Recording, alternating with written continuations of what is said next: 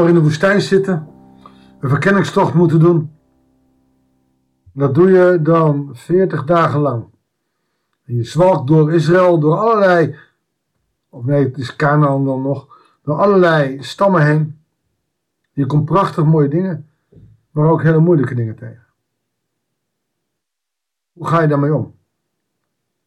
Wat de twaalf verspieders niet door hadden, is dat ze dat in 40 dagen deden.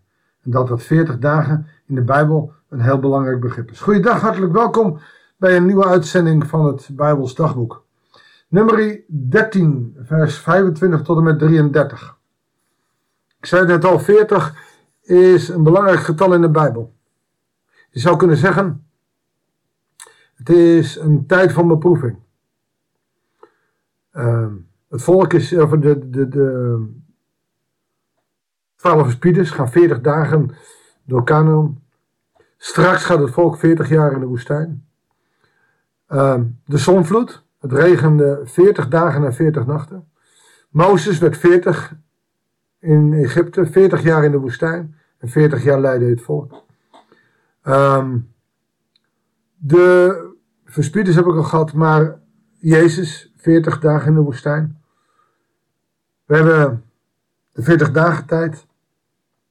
40 is een tijd van beproeving, maar ook van inkeer, voorbereiding en verwachting. Maar ook vaste doen, en zuivering. Het is een joods-christelijke traditie, maar je ziet het ook bij de islamitische religie. 40 is een belangrijk getal. En nu ook zijn de 12 verspieders 40 dagen. En in, in, in, in, in, in, het, uh, in het land. Ze keerden terug naar Kades in de woestijn van Paran, naar Mozes, Aaron en de andere Israëlieten. Ze brachten aan het hele volk verslag uit en lieten de vruchten uit het land zien. We zijn in het land geweest waar u ons naartoe hebt gestuurd, vertelde ze aan Mozes. Werkelijk, het vloeit er van melk en honing. Deze vruchten groeien er. Maar er staat tegenover dat de bevolking van het land sterk is. De steden zijn versterkt en heel groot. En ook hebben we de Enakieten gezien. De Enakieten zijn hele grote mensen, reuzen noemen ze dat. In de Negev wonen de Amalekieten. In het bergland de Hethieten, de Jebusieten en de Amorieten. En aan de kust en langs de Jordaan wonen de Canaanieten. Ze komen dus met een dubbele boodschap. Het is een prachtig mooi land. Het land van melk en honing, zoals dat was voorzegd aan Abraham, is ook aan Jacob. Alleen er is ook een keerzijde. Sterke mensen wonen er. En de muren om de steden zijn niet mals. Dat zijn ze natuurlijk helemaal niet gewend, want zij zwalken in tenten door de woestijn. Maar er is één die dan van toon verandert. Het is Caleb. Die wilde voorkomen dat het volk zich tegen Mozes zou verzetten en zei: We kunnen zonder probleem optrekken en het land in bezit nemen. We kunnen dat volk makkelijk aan. En dit is wat God wil. Verken het maar. Wees onder de indruk, maar wees ook vol ontzag wat God kan. Want God kan de volkjes van de Amalekieten, de Amorieten en de Jebusieten makkelijk aan. Maar Caleb staat alleen. De mannen die met hem mee waren geweest zeiden, we kunnen het volk niet aanvallen. Er is geen vertrouwen in God. Het is te sterk voor ons. De engelmachten, ze kennen het nog niet. En ze vertelden de Israëlieten allerlei ongunstige uh, verhalen over het land dat ze bekend hadden.